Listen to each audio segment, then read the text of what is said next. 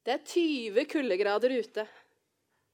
Vi går inn i en lavblokk og ringer på døra til en av leilighetene. En mann åpner og inviterer oss inn i stua. Der sitter moren ved en veranda. Hun har ytterjakke og lue på, men hun skal ikke ut. Termometeret på bordet viser oss hvorfor. Det viser 15 grader. Vi prater litt sammen, og Venjeranda forteller at de ikke har råd til å ha det varmere.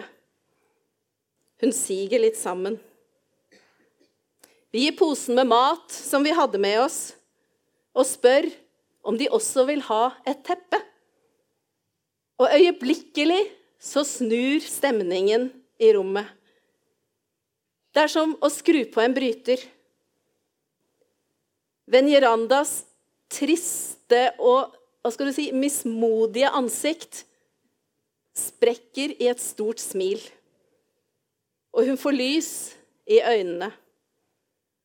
Ja takk. Og hun stikker de iskalde hendene inn i teppet som om det var en moffe. Og hun holder ikke opp med å smile. Og senere tar begge imot Jesus. Men historien starter ikke her. Den begynner med 15-årige Sebastian i Danmark, noen måneder tidligere. Sebastian er konfirmant i år, og foreldrene har gitt ham en utfordring. Vil du reise på outreach i Latvia i vinterferien? Og outreach, det er å dele mat og klær og ting som folk trenger, og også forkynne evangeliet. Ja, Sebastian vil på outreach. Storebror har vært. Nå får han sjansen. Han vil. Og som en del av utfordringen så skal han også samle inn litt penger før han reiser. Han setter i gang og bruker det han som en 15-årig dansk ungdom har, og som veldig mange ungdommer har, og noen av oss litt eldre, en Facebook-konto med en del venner. Han inviterer Facebook-vennene sine til å gi et, et, bidrag til menneskene i den lille latviske byen Strosjani. Og samtidig så kontakter han også det lokale næringslivet der han bor, og ber om støtte. Til sammen så samler Sebastian inn 36 000 kroner. Og et av de mange hundre teppene og en av de mange hundre dynene som han kjøper for de pengene, de varmer nå Venjeranda og sønnen hennes. Noen av dere hørte kortversjonen av denne her rett før påske, da vi som også fikk lov å være med på outreachen i Strosani i år, delte noen av opplevelsene med dere. Men jeg håper de av dere som har hørt litt før, bærer over med meg når jeg forteller denne historien en gang til.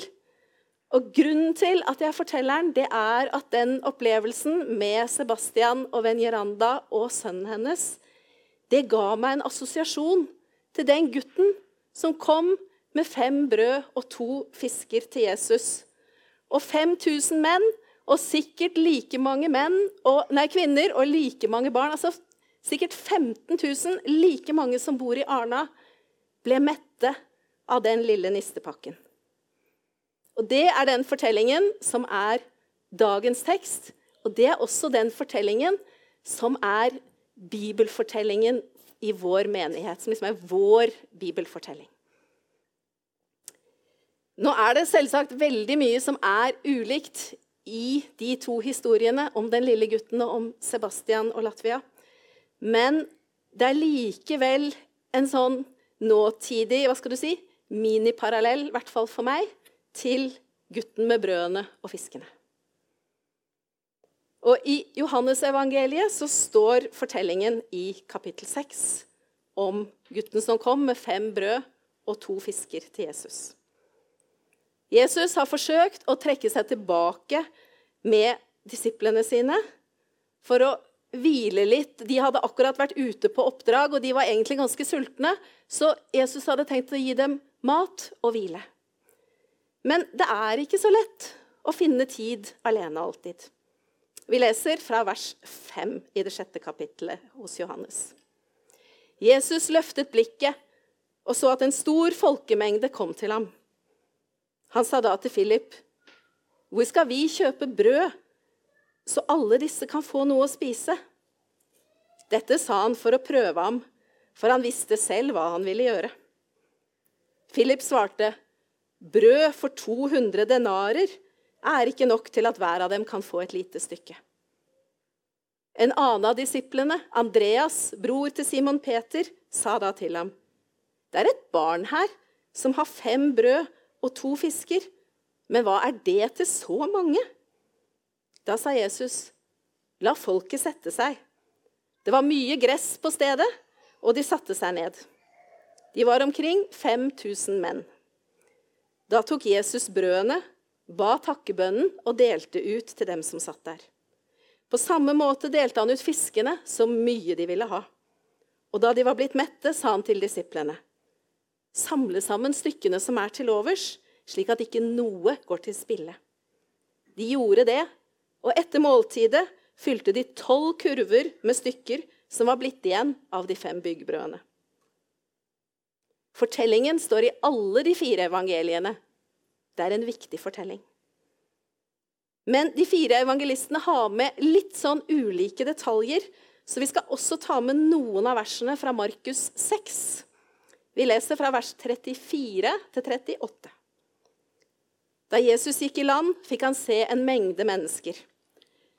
Han fikk inderlig medfølelse med dem, for de var som sauer uten gjeter, og han ga seg til å undervise dem om mange ting. Det var nå blitt sent på dagen, og disiplene kom til ham og sa, Stedet er øde, og det er alt blitt sent.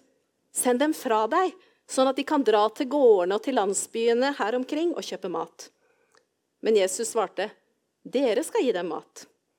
De sa, Skal vi kanskje gå og kjøpe brød for 200 denarer, så de kan få spise? Hvor mange brød har dere? sa Jesus. Gå og se etter. Da de hadde gjort det, sa de, fem brød og to fisker. Denne fortellingen åpner for mange perspektiver, men i dag er det tre poeng som jeg har lyst til å dele med dere. For det første Guds omsorg for mennesker. For det andre Gud tenker og handler utenfor boksen. Han er ikke begrenset av det vi har og ser som begrensninger.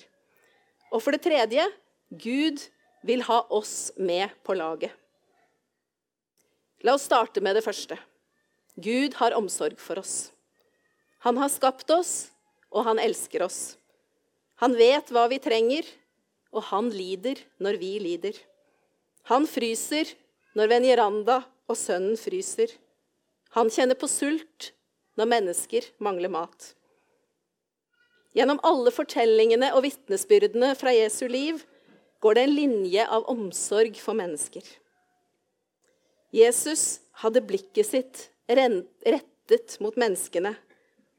Og det uttrykket som vi akkurat leste i Markusevangeliet, er et tydelig vitnesbyrd om hva som er i brennpunktet for Jesus. Han fikk inderlig medfølelse med dem. Inderlig medfølelse. Smak på det uttrykket. Det er et utrolig sterkt uttrykk, og det har liksom festa seg i meg i den senere tid. Og jeg ser at alltid når det uttrykket brukes i evangeliene, så etterfølges det av en helt konkret handling fra Jesus side. En omsorgsfull handling som dekker behov hos de menneskene som han fikk inderlig medfølelse med. Det kan handle om helt konkrete behov, som helbredelse fra sykdom, eller, som i denne fortellingen, også det å bli mett. Eller det å bli møtt og bli sett for den man er. Jesus visste hva det var å være sulten og sliten. Og Derfor så ville han ikke sende hjem på tom mage alle som hadde kommet for å høre hans forkynnelse og oppleve at han helbredet. Og Jesus viser også i Fader vår at han er opptatt av det vi trenger i hverdagen. Han lærte oss å be. gi oss i dag vårt daglige brød. Han ønsker ikke at noen skal sulte eller fryse eller ha det vondt på andre måter. Men så vet vi at livet ikke alltid går på skinner. Vi kan oppleve sykdom eller død eller ulykke. Og rundt oss i verden så ser vi at folk mangler de mest livsnødvendige ting som følge av krig, fattigdom eller katastrofer. Men det betyr ikke at Gud ikke er der, eller at Gud ikke bryr seg. Vi kan kjenne oss som frossen mark, men Gud er der, og han har lovet å ikke slippe oss. I Isaiah 55, 10-11 så står det For lik regn og snø som faller fra himmelen og ikke vender tilbake dit før de har vannet jorden, gjort den fruktbar og fått den til å spire, gitt såkorn til den som skal så, og brød til den som skal spise. Slik er mitt ord som går ut av min munn. Det vender ikke tomt tilbake til meg, men gjør det jeg vil, og fullfører det jeg sender det til. Vi som bor i et land med snø, kjenner godt igjen bildet. Og litt ekstra kanskje denne vinteren. Snøen faller fra himmelen og kan bli liggende som et teppe over den frosne marka. Men når bakken tiner og snøen smelter, gir vannet liv. Det kan skje brått, eller det kan ta lengre tid. Men Guds melding er uansett klar. Jeg er der, også når du har det vondt, og en dag spirer det på nytt. Det er håp, og min gode vilje skal skje, sier Gud. Og da er vi ved det som er den ekstra dimensjonen i Guds omsorg, som gjør den unik. Den stopper ikke ved primære behov som mat, hvile og god helse, selv om det også er viktig, og Gud bryr seg om det. Men Guds omsorg går langt utover det. Gud gir oss sin nåde. Et liv i fellesskap med ham, omsluttet av hans kjærlighet. I Matteus 23, 37 sier Jesus til de jødiske lederne på vegne av Gud. Hvor ofte ville jeg ikke samle barna dine som en høne som samler kyllingene under vingene sine? Et fantastisk bilde av omsorg og kjærlighet. Men så legger han til Men dere ville ikke. Heldigvis ga ikke Gud opp Rett og slett fordi han elsker verden. Han elsker hvert enkelt menneske. Vi har akkurat feiret påske og feiret at Gud gjenopprettet relasjonen mellom han og oss. At han sendte Jesus for igjen å samle kyllingene under vingene sine. For så høyt har Gud elsket verden, at han ga sin sønn den eneste for at hver den som tror på ham, ikke skal gå fortapt, men ha evig liv, oppsummerer Johannes i evangeliet i kapittel 3, vers 16. Men la oss gå tilbake til de sikkert 15 000 sultne menneskene som var samla rundt Jesus. Disiplene analyserer situasjonen raskt, og de ser ingen annen løsning enn å sende folk tilbake til gårdene, landsbyene rundt omkring, for å kjøpe mat, og før det blir helt mørkt. Og jeg tror vi kjenner oss igjen i måten å tenke på. Praktisk og konkret. For det er jo den virkeligheten vi har erfaring med, og det er den vi kan forholde oss til. Det er jo egentlig en grei løsning. Er det ikke det? Det er jo ikke noe galt med den løsningen. Det er bare det at Jesus tenker annerledes. Hans løsninger er ofte det vi litt sånn populært kan kalle utenfor boksen. Og det er de også denne gangen. Sikkert nok en gang til disiplenes store overraskelse. Og selv om de hadde opplevd så mye med Jesus, så forventet de ikke det som nå var i ferd med å skje. For hva gjør Jesus? Jo, han sier, 'Dere skal gi dem mat.' Den så de ikke komme. De protesterer med menneskelig logikk. Skal vi kanskje gå og kjøpe brød for 200 denarer så de kan få spise? Det er jo ikke nok til at alle får en liten bit hver en gang. Men Jesus lar seg ikke vippe av pinnen. Han spør i stedet hvor mye brød de har. De tar en runde, og som vi hørte, Andreas kommer tilbake med en liten gutt som har fem brød og to fisker. Men hallo, det er jo ikke nok til alle. Jesus lar seg fortsatt ikke avspore. I stedet ber han disiplene å organisere alle i matlag i det grønne gresset. Disiplene gjør som de får beskjed om. Men det er vel ikke utenkelig at de rista litt på huet og lurte på åssen dette skulle gå? Eller kanskje begynte de å kjenne på en forventning om at noe spesielt kunne komme til å skje? Det vet vi ikke. Men det vi vet, er at det skjedde noe som er langt forbi det vi kan forklare etter jordisk målestokk og logikk. Jesus tar de fem brødene og to fiskene og takker Gud for maten. Og da skjer det to ting. Én veldig konkret, som man kan ta og føle på til og med spise. Brødet og fiskene rekker til mat til alle, og enda blir det tolv kurver til overs. Det andre som skjer, er faktisk det viktigste. Underet vitner om Gud. Da Jesus ba takkebønnen, pekte han på Gud som den som alt utgår fra, og som skal ha æren for det som skjer. Underet ble dermed ikke til en hendelse som bare handlet om at folk skulle bli mette. Nei, den ble et vitnesbyrd om Guds makt og en forsmak på større ting som skulle komme. Da folk så det tegnet Jesus hadde gjort, sa de, 'Dette må være profeten som skal komme til verden.' Det står i det sjette kapittelet i Johannes, i vers 14. Og de hadde rett. Jesus var Messias som skulle komme for å frelse verden. Og en av de han bekreftet det til, var en annen som han hadde vist omsorg. Den samaritanske kvinnen ved brønnen. Det skjedde da han sa, 'Det er jeg, jeg som snakker med deg.' Tenk å få høre det. Du har hørt at Messias skal komme. Og så sitter det en der og sier, 'Det er jeg, jeg som, snakke, som snakker med deg'. Og da Jesus snakket med disiplene dagen etter det som vi gjerne kaller for brødunderet, at alle disse 15 000 fikk mat, så bekrefter han det også overfor disiplene at han er Messias, den som skulle komme.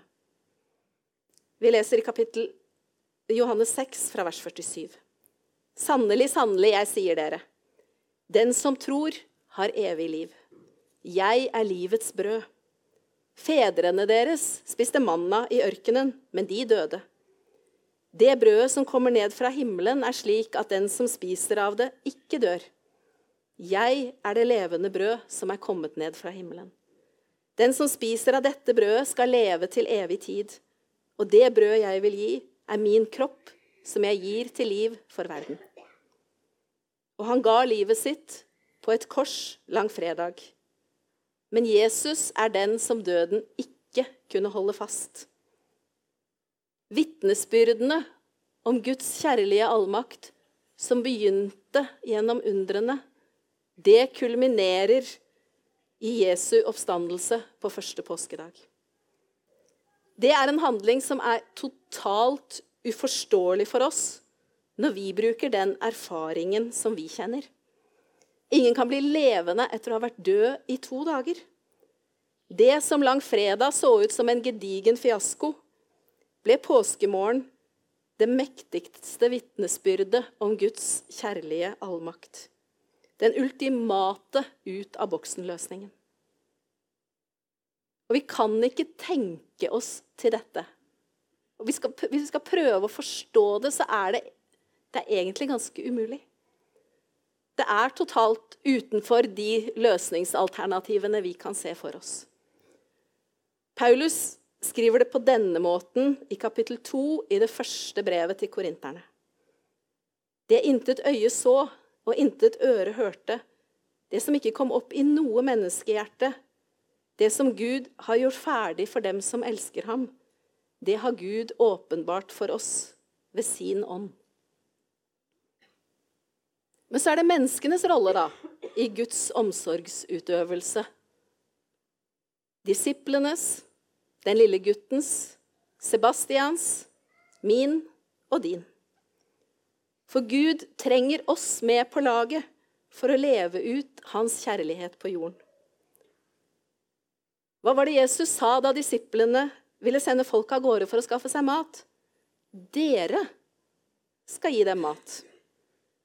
Og en annen gang sa han, det dere har gjort mot en av mine minste, det har dere gjort mot meg. I brevet til kolosserne 3.12 dukker et kjent uttrykk opp igjen. Kle dere i inderlig medfølelse. Stafettpinnen går videre fra Jesus til oss, fordi vi er Guds utvalgte, helliget og elsket av ham, skriver Paulus videre. Slik Jesus har inderlig medfølelse med oss, skal vi ha inderlig medfølelse med våre medmennesker. Og alle har vi fått noe vi kan dele med andre. Det handler ikke om hvor mye vi kan stille opp med i menneskelig målestokk, verken når det gjelder alder, posisjon eller hva vi har, men at vi stiller det vi har, og oss selv, til disposisjon for Gud. Den lille gutten hadde fem brød og to fisker. Disiplene kunne organisere matutdelingen. Sebastian hadde venner på Facebook og noen bedrifter der han bodde. Og han og mange andre hadde mulighet til å dele en uke av livet sitt med menneskene i Strosjani i vinter. Noen her i menigheten, mange her i menigheten, arrangerer Colombia-basar for at barn i Bogotá skal få mat, leksehjelp, omsorg og bli kjent med Jesus. I stad møtte vi barna i Soul Kids og Soul Children som deler livsglede og forteller om Jesus, synger om Jesus. Noen er med i lovsangsteamet. Noen er med i Soul Children-crewet, og andre er speiderledere. Noen er teknikere. Noen besøker syke, eller kanskje mennesker som sitter i fengsel. Noen er viktige lim i nabolaget. Og alle er vi utstyrt med en munn som kan dele et smil. Vi kan si og skrive gode ting til andre. Vi kan be. Mange av oss kan gi praktisk hjelp. Og vi har alle noe vi kan dele med andre. Listen over hva Gud har lagt ned i oss, er uendelig. Og han ber oss altså ikke å undervurdere bidraget vårt. Å komme med en liten nistepakke når 15 000 mennesker trenger mat, framstår i utgangspunktet som nokså ubetydelig. Men Jesus gjorde det til en viktig forutsetning for å vise omsorg og gi et vitnesbyrd om Guds allmakt. Kle dere i inderlig medfølelse. Vi oppfordres hele tiden til å leve med Jesus og dele hans kjærlighet med andre. Og akkurat som brød er best som ferskvare, er Jesu kjærlighet best som ferskvare. Noe vi hele tiden får, og noe vi hele tiden deler med andre. Det er ikke noe vi samler på for oss selv til påkommende tilfeller. Og en liten påminnelse. Da israelittene hamstret manna da de var i ørkenen for flere dager, så råtnet det. Men når de tok bare det de trengte den dagen, da fikk de nok. Og så er det utrolig viktig å ta med oss at dette gjør ikke vi i vår egen kraft. Det er Gud som virker i oss og gjennom oss. Og Helt til slutt vil jeg dele et sitat fra han som var leder for outreachen i Latvia, Kjebo. Og Det sitatet opplever jeg både som en trøst og en utfordring på en og samme tid. Trøsten ligger i at det tydelig understreker at det ikke handler om meg, men om Guds vilje og Guds kraft. Utfordringen går til oss trygghetssøkende kontrollfriker om å ikke skulle finne alle løsningene sjøl. Jf. disiplene som så en grei løsning på problemet. Send folk av gårde. Og la dem skaffe maten selv. Utfordringen går på å stole på Gud og virkelig la Han slippe til. Chebo sa, Never underestimate the Holy Spirit. Undervurder aldri Den hellige ånd. Eller sagt på en annen måte undervurder aldri Guds kraft. La oss be. Kjære Gud, vi takker deg for din allmektige kjærlighet. Vi takker deg fordi du elsker oss og ga deg selv for oss. At du samler oss igjen som kyllinger under vingene dine. Vi takker for omsorgen som du har for oss, og vi takker for at du har skapt hver og en av oss til unike enkeltpersoner. Så ber vi, Herre, om at vi får lov til å bruke det som du har lagt ned i oss, for å dele din kjærlighet med våre medmennesker. Og vi takker Jesus for at det er du som virker i oss. Det er ikke noe vi gjør i vår egen kraft. Amen.